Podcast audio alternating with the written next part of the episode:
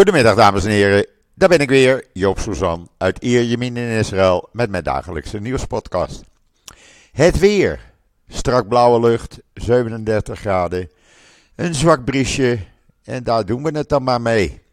Vanmorgen was het uh, om uh, eh, 6 uur toen ik met de hond ging lopen, uh, eh, 26 graden. Vrij warm alweer. maar ja, het is normaal voor de tijd van het jaar. Heeft niets met uh, klimaatverandering te maken of zo. Het is elk jaar in deze tijd uh, dit soort temperaturen. En dat uh, wordt zachtjes aankoelen. Vooral s'avonds merk je het. Dan is het niet meer 36 graden, maar rond de 32 graden. Om een uur of negen als je buiten zit. En dat is best lekker. En dan het nieuws. Wat hebben we in israelnieuws.nl? nou, een heleboel natuurlijk, maar daar is bijgekomen dat de IDF zeven terreurverdachten heeft gearresteerd in verschillende dorpen, geld in beslag genomen en een uh, machinegeweer. Daarnaast kan je lezen in israelnieuws.nl dat een poging tot smokkel van drones naar de Gazastrook uh, niet lukte. Dat werd gedwarsboomd bij de Eres-crossing men vond uh, een passagier in een bus een beetje zich verdacht uh, gedragen. Zijn koffer werd geopend en daar kwamen tien uh, mini-drones uit. Dus dat spel is ook weer mislukt. En dan onderzoekers van het Weizmann Instituut zeggen dat door studie betere therapie, therapie voor longkankerpatiënten mogelijk is. En dan longkankerpatiënten die uh, longkanker hebben gekregen. Niet door het roken, maar door het meeroken. Ze hebben daar een aantal uh, patiënten geselecteerd. En die behandeling bracht echt resultaat op. Zonder uh, terugval. heel uitgebreid artikel staat daar in israelnieuws.nl. En dan de Verenigde Naties. Ja, we wisten al dat de Verenigde Naties uh, dubieus was. Uh, maar ze hebben nu toch wel het toppunt uh, van hun dubbele standaard laten zien.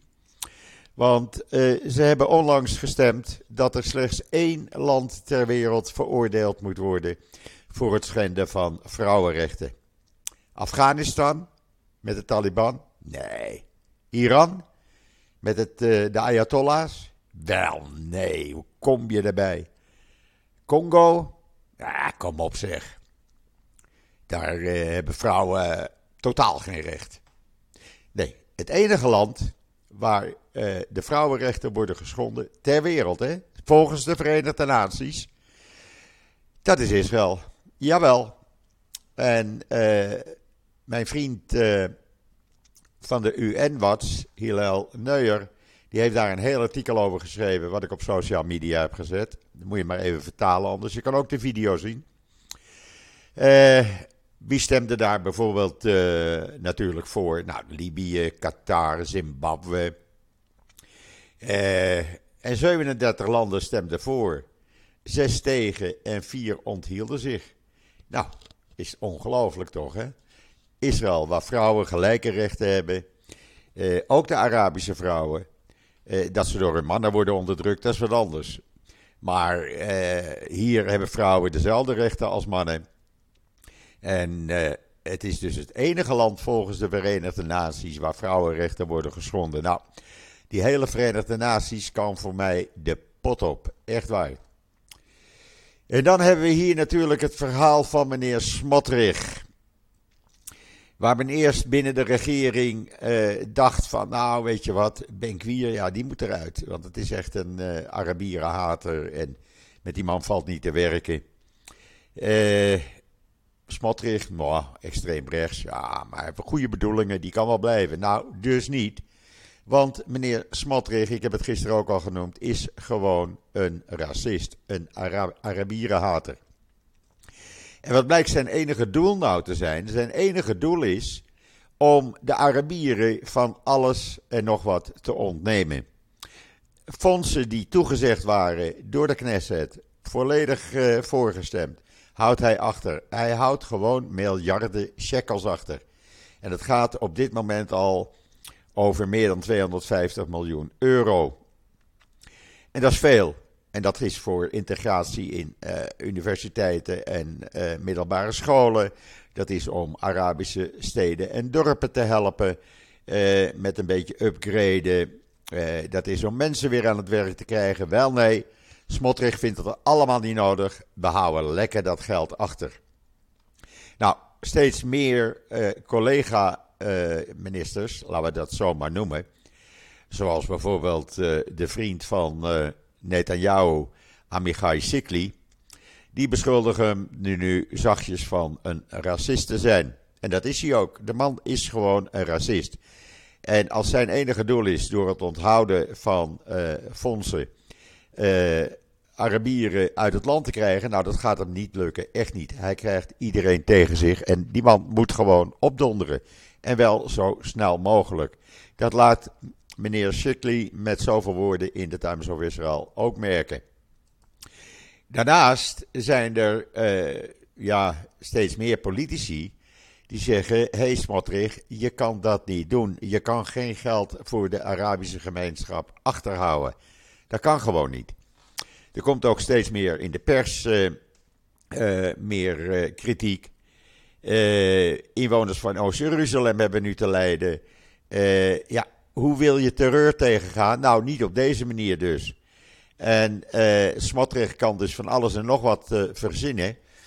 Maar de man is gewoon een, uh, ja, een Arabierenhater. Heel simpel, een racist eerste klas. En die man is het niet waard om minister te zijn. Daardoor komen steeds meer Arabische steden en dorpen in financiële problemen. Want ze hadden wel op dat geld gerekend. Het was er trouwens toegezegd. Minister van Binnenlandse Zaken begint nu ook ongeduldig te worden, Moshe Arbel. En die zegt, hier moet wat aan gedaan worden. Maar ja, Netanyahu, die is er even niet. Die houdt vakantie op de Golan met zijn vrouw. Dus ja, eh, daar komt even niets van. Maar ik denk, eh, de enige oplossing is... als meneer eh, Smotrich en zijn vriendje Ben Gwier nou opdonderen... dan wordt het al een stuk beter, denk ik. Echt waar. Want dit werkt gewoon niet.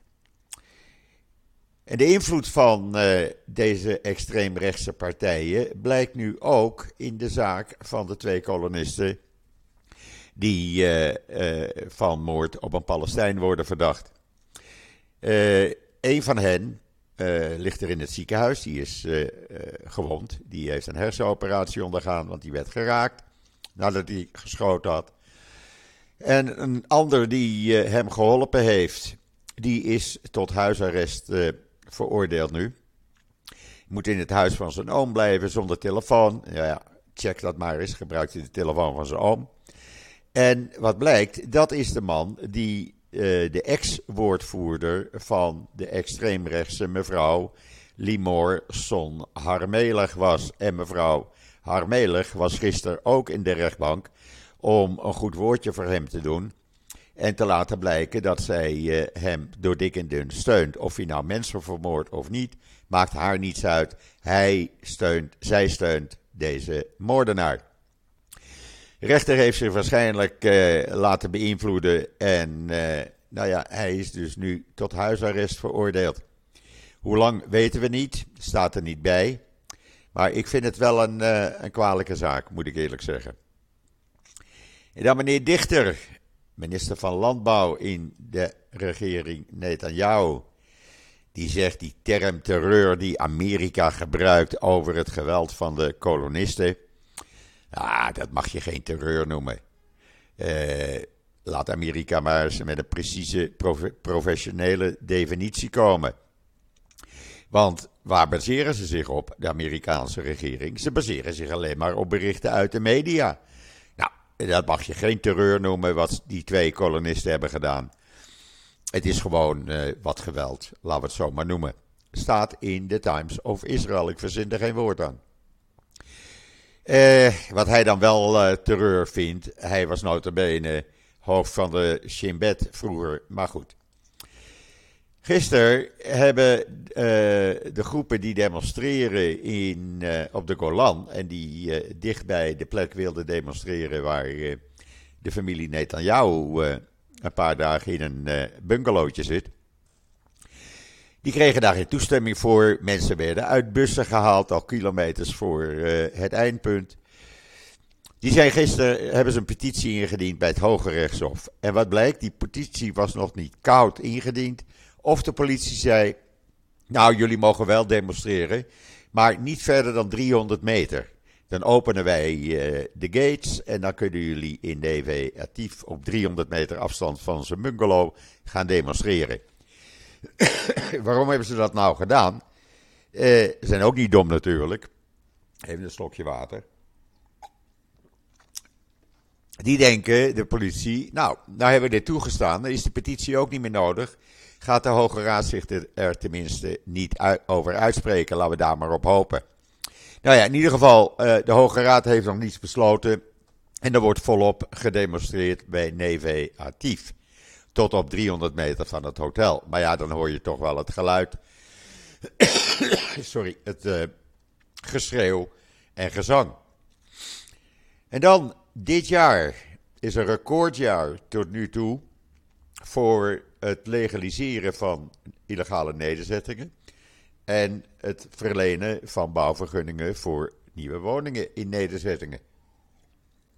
Niet verrassend natuurlijk met deze regering. Er zijn eh, tot nu toe 22 illegale nederzettingen gelegaliseerd. Die zijn opeens allemaal legale nederzettingen. En er zijn bouwvergunningen afgegeven voor 12.855 nieuwe woningen in nederzettingen. Dat is nogal wat. Ik ben benieuwd wanneer de Europese Unie en meneer Biden hier iets over gaan zeggen. Als ze hier iets over gaan zeggen. Maar het is wel opvallend dat met deze regering dat in deze mate gebeurt. En dan heeft eh, de minister van Defensie Galant gisteren een uh, dreigement richting Iran en uh, Hezbollah laten horen. Want die heeft gezegd: uit zelfverdediging zullen wij elke meter van Libanon aanvallen. Nou, ik vind dat nogal dapper van hem. Echt, als het daarbij bij blijft, ja, dan staan ze natuurlijk te trillen daar in Libanon. Maar niet heus. Maar goed, hij vindt zichzelf flink dat hij dat gezegd heeft. Eh, toch een beetje oorlogsgerelateerde eh, eh, zinnen. En eh, hij zei er nog bij: vergis je niet, we willen geen oorlog, maar we zijn bereid om onze burgers, onze soldaten en onze soevereiniteit te verdedigen. Nou, ik vind, haal dan die uh, twee tenten weg. En haal dan die uitkijktorens weg die net een aantal centimeters of een paar meter op Israëlisch gebied staan. Maar dat gebeurt niet. Beetje dubbelzinnig. Maar goed, uh, hij vindt zich stoer. Daarom is hij ook nooit uh, stafchef geworden. Wat opvallend is, Ofra Strauss, de chairwoman van de Strauss Groep, de grote levensmiddelenbedrijf, die heeft dus verleden week haar uh, uh, sponsoring van kanaal 14, het fanclub kanaal van uh, Netanyahu en de Likud, ingetrokken. En sinds die tijd, ze adverteert er dus niet meer op, Sinds die tijd krijgt ze bedreigingen. Maar dat loopt nu zo de hand uit dat ze onder zware bewaking eh, is moeten komen te staan. Want ze wordt gewoon met de dood bedreigd. Omdat ze niet meer adverteert op eh, kanaal 14. En dat heeft ze allemaal gedaan omdat tijdens een discussie. een van de discussieleden opriep om Yigal Amir nou maar vrij te laten. De moordenaar van uh, minister-president Rabin. En uh, ja, dat vindt zij niet kunnen. Dus uh, zij heeft samen met een aantal andere bedrijven, adverteren ze er niet meer op. Nou, dan krijg je de Likud-aanhangers die dat niet pikken en die gaan dan met de dood bedreigen. Ook dat is jammer genoeg Israël. En dan uh, heeft de IDF voor het eerst toegegeven dat de weigering van uh, duizenden reservisten om nog op te komen draven, toch wel problemen oplevert. Uh, een legerwoordvoerder volgens de Times of Israel heeft gisteren gezegd dat dat inderdaad nadelige gevolgen veroorzaakt. En dat daardoor de paraatheid enigszins is geschaad. Nou, dat enigszins zal dan wel heel veel zijn. Bijvoorbeeld, er kunnen minder piloten getraind worden. En omdat er minder instructeurs beschikbaar zijn. en, uh, sorry. Ja, nog wat van dat soort zaken. Kan je allemaal lezen trouwens in de Times of Israel. En dan Australië is weer terug in de tijd. Er is een nieuwe regering daar in Australië. En die hebben bepaald dat ze uh, de Westbank bezet Palestijns gebied gaan noemen. We gaan terug in de tijd, we gaan niet meer meewerken. Meneer Penny Wong, dat is de minister van Buitenlandse Zaken tegenwoordig in Australië. Die uh, heeft ook niets op met nederzettingen en met kolonisten. Uh, en ja, we gaan gewoon zeggen: Oost-Jeruzalem, de Westbank en Gaza zijn bezet bij, door Israël. Nou vraag ik me één keer één ding af, meneer Wong. Hoeveel Israëlische soldaten zijn er dan in Gaza? De enige die ik weet zijn twee dode soldaten sinds 2014. En twee uh, geestelijk gehandicapte Israëli's die daar gevangen worden gehouden. Meer Israëlische soldaten, meneer Wong, zijn er niet. Dus doe je huiswerk eerst eens goed voordat je wat gaat roepen, want dit slaat natuurlijk totaal nergens op. En dan, uh, ja, er is een rapport uit van de Anti-Defamation League. En die zegt dat er uh, nu er een uh, extreem linkse partij in de regering van Spanje zit, kan je rustig zeggen dat extreem links in Europa aan de winnende hand is, waardoor antisemitisme genormaliseerd wordt in Europa. Ze zeggen dat in een rapport wat ze uitgebracht hebben, en dat gaat over Frankrijk, Verenigd Koninkrijk, Duitsland en Spanje. En ja, die zeggen in het rapport een fenomeen dat vaak wordt overschaduwd in berichten over antisemitisme in Europa, is uh, dat velen vooral associëren het antisemitisme met neofascisten. Maar het zijn toch echt linkse, extreem linkse partijen waar we rekening mee moeten houden. Die uh, zorgen voor een opkomend uh, antisemitisme in Europa. En dan is een Israëlische start-up begonnen met het uh, bestrijden van online handel in organen. Ik wist niet dat het bestond, maar het bestaat. Voor een hart moet bijvoorbeeld meer dan 1 miljoen dollar worden betaald. Er zijn zelfs catalogussen met afbeeldingen. En Eversea, en meneer Ariel Tiger is daar de CEO van.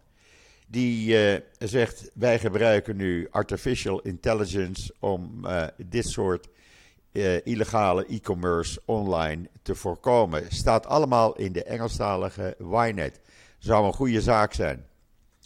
En dan hebben Israëlische wetenschappers, ja, het zullen geen Israëlische wetenschappers zijn, die hebben stamcellen gekweekt uh, van een klein kloppend model van een menselijk hart, de grootte van een derde Je gelooft het haast niet, maar de video kan je zien op Times of Israel. En dit is het eerste hartmodel, zegt professor Jacob Nachmias, die het onderzoek leidde. Uh, het eerste uh, hartmodel dat is gegroeid ter wereld uit stamcellen met alle belangrijke structuren, waaronder boezems, epicardium, de buitenste schil, de binnenvoering, de pacemakers en ventrikels. Nou, ik vind dat allemaal ja, fantastisch. het is gedaan door de Hebreeuwse Universiteit samen met het Technion, het Israel Institute of Technology. Lees het in de Times of Israel. Want dit brengt weer hele nieuwe mogelijkheden voor hartpatiënten. En dan de Champions League gaat binnenkort van start. En daar doen vier Israëlische topspelers in verschillende elftallen aan mee, plus een trainer. die hebben allemaal transfers gemaakt naar het buitenland. Omri Glazer speelt bijvoorbeeld bij Rode Stel Belgrado. dan hebben we Oscar Gluck. Die speelt bij Red Bull Salzburg. Uh, daarnaast uh, hebben we Lil Abad, Abada. Die speelt bij uh, Celtic, Schotse kampioen. En dan hebben we nog Staf Lemkin. En die speelt bij de Oekraïnse club Shakhtar Donetsk. En die spelen dus allemaal Champions League voetbal. En daar doen deze Israëli's dus aan mee. Nou, is toch hartstikke mooi. En dan iets wat tienduizenden, misschien honderdduizenden mensen tegenvalt. De light rail die volgende week vrijdag in Tel Aviv voor het eerst gaat rijden. En dat is de lijn tussen uh, Badjam en Peter Tikwa via Tel Aviv. Die rijdt niet op Shabbat en Joodse feestdagen. Is een klap voor uh, velen die hadden gehoopt en aangedrongen van nou oké, laten we nou eens gewoon uh, uh, 2023 doen. Maar nee, het gaat niet gebeuren. Ze gaan niet rijden op Shabbat en Joodse feestdagen. Dat is dan jammer. Of dat er ooit van zal komen, ik weet het niet. Maar het betekent op zaterdag dat honderdduizenden mensen toch uh, aan huis gebonden zitten. Of met die ja, tijdelijke buslijnen die een beetje dwars door de stad gaan, twee of drie, mee uh, kunnen. Maar dan is een light rail toch wat moderner. Kijk, dat hij in Jeruzalem niet rijdt, oké, dat kan ik begrijpen. Maar Tel Aviv, nou ja. Goed, laten we het dan maar houden op een soort traditie. Uh, dat dat nog het enige is wat over is van vroeger. En dan Haifa behoort bij de top 3 cruise destinations cruisebestemmingen in de wereld dit jaar. Uh, er worden 250.000 cruise-toeristen verwacht dit jaar in de haven van uh, Haifa. En dat is nog nooit zoveel geweest. Dat het populair was, ja, maar dat het zo populair is en nou een van de topbestemmingen is, ja, dan mag Haifa zich best op de borst slaan. In 2018 eh, bijvoorbeeld kwamen er nog maar 28.000 toeristen per boot aan. En dit jaar dus 250.000, dat is bijna tien keer zoveel in vijf jaar tijd. Nou, ik vind dat uh, fantastisch. Uh, en dan uh, een artikel, opiniestuk. ik, ik noem het maar even, als je het interesseert kan je het gaan lezen. dat het, het Israëlische opperrabinaat eigenlijk een soort erfelijke monarchie is geworden. Nou, dat is niet verbazend. Want het opperrabinaat, zowel Safardis als Ashkenazin, is in handen van een paar families. En die hebben het monopolie erop. Er schijnen namelijk uit andere families geen opperrabijnen kunnen komen. Die kunnen alleen maar uit een paar families, zoals de familie Jozef aan Safardische kant. Eh, hoe dat zit, wordt in dat opinieartikel uitgelegd. En ja, het is dus een beetje exclusief recht, laten we het zo maar noemen. En dan eh, zegt de president van de Universiteit van Tel Aviv, uh, die uh, roept Israëlische advocatenkantoren op tot een algemene staking als de regering de uitspraken van het Hoge Rechtshof niet opvolgt. Uh, en uh, wat zegt hij namelijk, meneer Porat? Hij zegt dat we momenteel worden geconfronteerd met een zeer reële dreiging van een constitutionele crisis. Nou, hij kan het weten. Hij is hoofd van de Universiteit van Tel Aviv. Hele verhaal, hele interview met hem staat in de Jeruzalem Post vandaag. En niet alleen de advocatenkantoren heeft hij uh, opgeroepen, hij heeft ook maandag opgeroepen leiders van particuliere uh, en openbare instellingen en organisaties om mee te doen met die algemene staking als de regering dus uitspraken van het Hoge Rechtshof niet opvolgt. Ja, jullie weten, we zitten te wachten. op uitspraken van het Hoge Rechtshof. De eerste is over die wet, waarbij Netanyahu niet uh, van zijn baan uh, ontslagen kan worden, alleen als hij geestelijk niet meer in staat is. dat is om hem te beschermen in verband met die rechtszaken. Nou, daarvan heeft het Hoge Rechtshof al laten blijken dat ze dat niet zo helemaal zien zitten. En dan heeft de grenspolitie een alleen uit ultra-orthodoxe mannen bestaande eenheid opgericht. En dat hebben ze gedaan om meer leden uit die ultra-orthodoxe gemeenschappen uh, te integreren in uh, de grenspolitie, in het leger. de eenheid heet de Nachson Unit. En bestaat dus alleen maar uit ultra-orthodoxe mannen, die worden daarvoor getraind. En die gaan dan beschermen speciale punten in de Westbank. Zoals uh, in Jeruzalem, Bethlehem en bijvoorbeeld het graf van Rachel en het graf van Jozef. Waar nogal vaak aanvallen zijn, dan zijn zij meteen ter plaatse. Ik vind dat wel slim eigenlijk.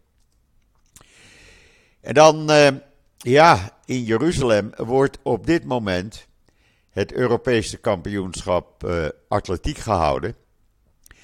Uh, tot en met 10 augustus. Daar doen zo'n 2000 atleten uit 48 landen aan mee. En uh, Jeruzalem is dus even het centrum van Europa wat dat betreft voor atletiek onder de 20 jaar. Ik weet niet of jullie in Nederland er wat van meekrijgen. Hier ja, is het redelijk behoorlijk in het nieuws. En dat is natuurlijk hartstikke mooi. En dan nog even over morgen. Ik had gezegd gisteren dat, wij, eh, dat ik niet naar eh, het graf van Emmanuel Moreno zou gaan, omdat dat uh, s'morgens er nogal druk zou zijn. En smiddags naar de familie. Maar de plannen zijn gewijzigd in verband met de hitte. Sorry. En we gaan met z'n allen naar het graf om zes uur in de middag. Dan is het wat koeler in Jeruzalem en dan kunnen we met z'n allen bij het graf Emmanuel herdenken. En zijn we samen met familie en vrienden. Het mooie is dat uh, twee van zijn zoons ook al in dienst zitten, ook al bij een speciale eenheid. En eigenlijk een beetje in de voetsporen van hun vader uh, zijn gegaan, die ze amper gekend hebben. Heel mooi is dat. Maar ik ben blij als ik morgen je hele familie weer uh, bij elkaar zie. Ik krijg daar altijd enorm veel steun van. Uh, en uh, ja, het doet goed, het voelt goed. dus ik ga daar morgen met een van de zoons van Michel naartoe. De andere twee zijn op vakantie in het buitenland, anders hadden die ook gegaan. Hij neemt ook zijn zoons mee. En ja, dat wordt een speciale bijeenkomst. Ik ben blij dat ik het kan doen, laat ik het zo maar zeggen. Goed, morgen, als het allemaal klopt, maak ik een podcast met Esther, Esther Voet natuurlijk. Kijken of het gaat lukken. Eh, ik weet niet of ze nog op vakantie is. Ik heb er eigenlijk niet meer gesproken nadat ze uit Israël weg is gegaan. Een beetje mijn schuld. Maar ja, zij was druk, ik ben druk. En zo gaan die dingen. Uh, maar ik ga er wel even bellen. En ik denk wel dat dat lukt morgen. Een podcast samen met Esther. Goed, dan wens ik iedereen een hele fijne voortzetting van deze woensdag, de 9e augustus. Ik ben er morgen weer en zeg zoals altijd: tot ziens, tot morgen.